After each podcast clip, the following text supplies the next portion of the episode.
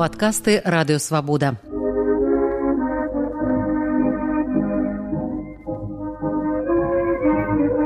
Сто гісторый пра БНР Сергеем Шупам.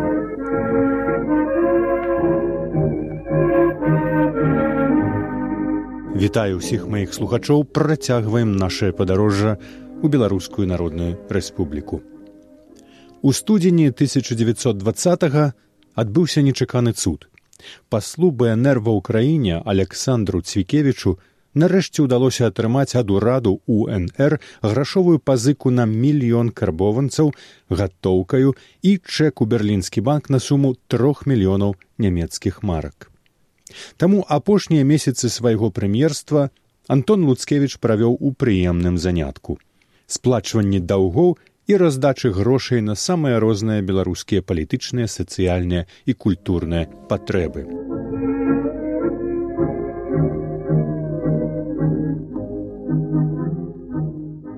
Другога студзеня 1920 году пратакольнай пастановай сходу рады народных міністраў беларускай народнай рэспублікі атрад генерала балаховича быў прыняты ў склад войска бнр Пра гэта шэфу вайскова-дыпламатычнай місіі БНР у рызе кастусю і завітаву было даручана паведаміць самому генералу.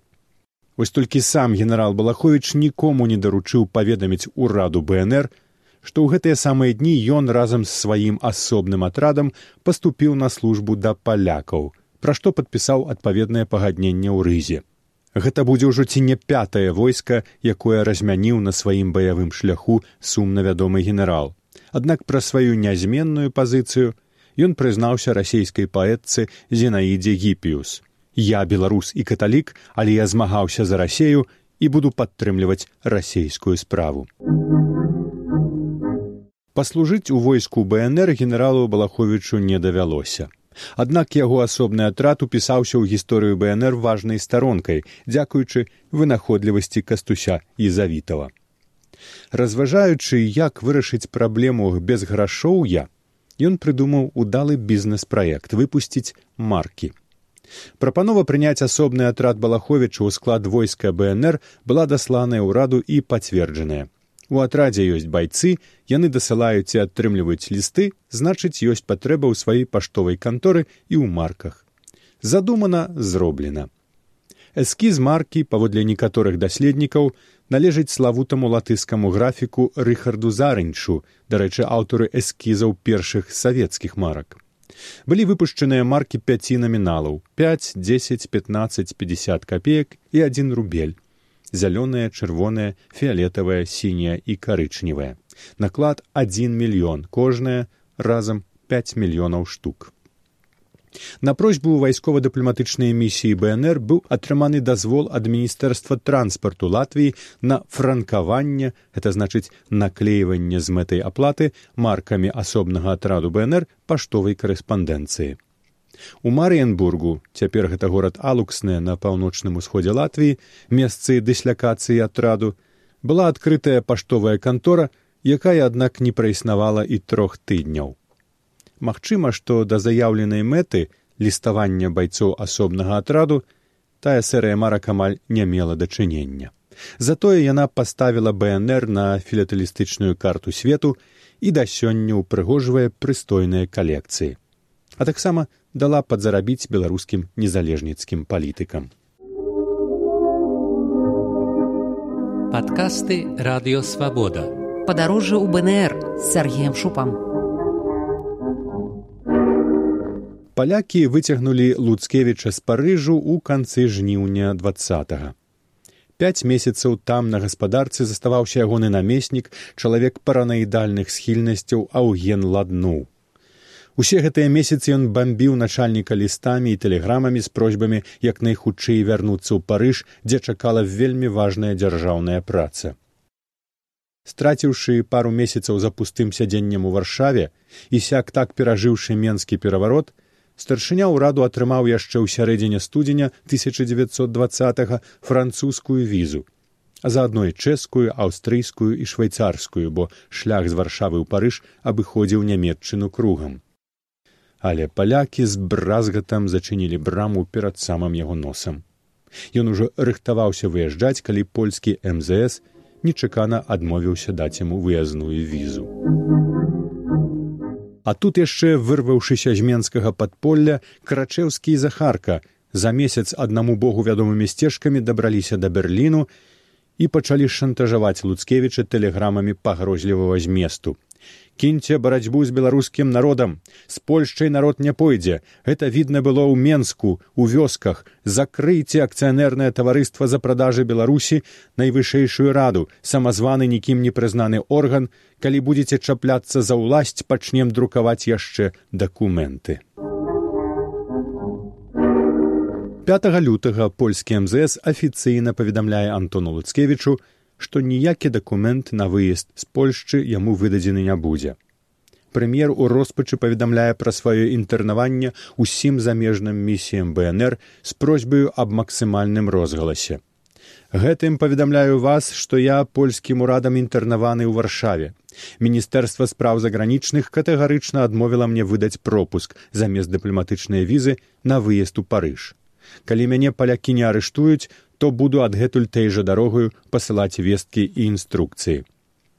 Звяртаецца ён і да дыпламатычных прадстаўнікоў краінаў антанты ў Польшчы, заяўляючы свой рашучы пратэст і просячы аб дапамозе. У адказ маўчання. Сустрэўшыся тут з паслом Фінляндыі, я атрымаў ад яго пацверджанне прызнання фінляндскім урадам незалежнасці Беларусі піша Антон Луцкевіч 10 лютага два году старшыні найвышэйшай рады янку серадзе. Пакуль што гэта адзінае сведчанне аб юрыдычным прызнанні БНР іншай дзяржавай. Адпаведныя дакументы могуць захоўвацца ў фінскіх архівах.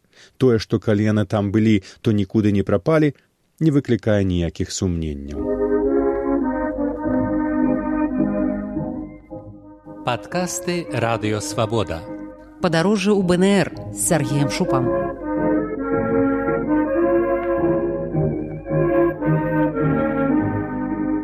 Выканаўца абавязкаў кіраўніка дэлегацыі на мірнай канферэнцыі ў парыжы аўген ладноў працягваў пісаць луцкевічу даўжэзныя лісты даючы яму самыя падрабязныя інструкцыі што і як рабіць у такім духу прошу быть чрезвычайно осторожным. Я получил случайно сведения, что вы окружены польками-шпионками. Заклинаю вас всем для вас святым, не показывайте ни одной женщине нашей переписки. Помните, что исторически установлен факт. Польки, идеальные патриотки, во имя любви к родине жертвуют охотно собою. За внешностью любви может скрываться самая ужасная измена, предательство. Бойтесь этого. Будьте осторожны во всех отношениях. Не держите никаких документов, писем, записок в гостинице. Лучше всего прочитанное уничтожать, сделав необходимые заметки в книжечке у себя. Тое, што гэтыя лісты не былі знішчаныя і захаваліся ў архіве, сведчыць хіба што пра тое, што Луцкевіч да гэтых каштоўных парадаў не надта прыслухоўваўся.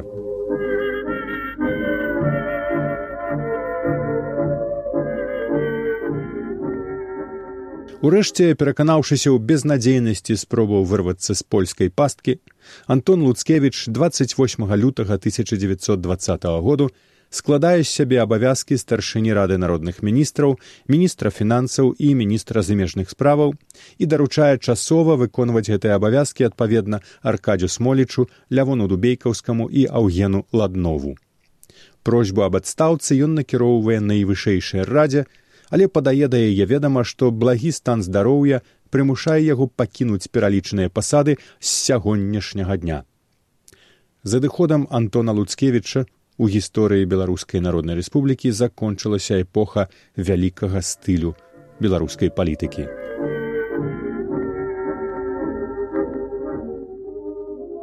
Пасля адстаўкі Луцкевіча на нейкі момант у гісторыі БНР утвараецца вакуум. Найвышэйшая рада, як паведамляе ў тыя дні аркаць смоліч, нічога не робіць і не збіраецца. Сам Луцкевіч прасіў найвышэйшую раду пакуль што ўстрымацца ад прызначэння яго наступніка, ажно да лепшага выяснення палажэння. Апаненты Луцкевіча, эсеры і эсэфы яшчэ не апрытомнілі пасля хвалі рэпрэсіяў і з ключавых фігураў у Менску застаўся толькі кіраўнік ураду Вацлаў Ластоўскі, але зноў дамо слова смолічу і той не вылазе.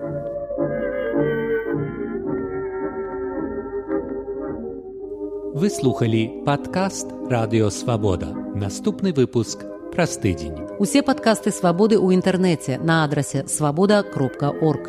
Штодня у любы час у любым месцы, калі зручна вам. Свабода кропка орг. Ваша свабода.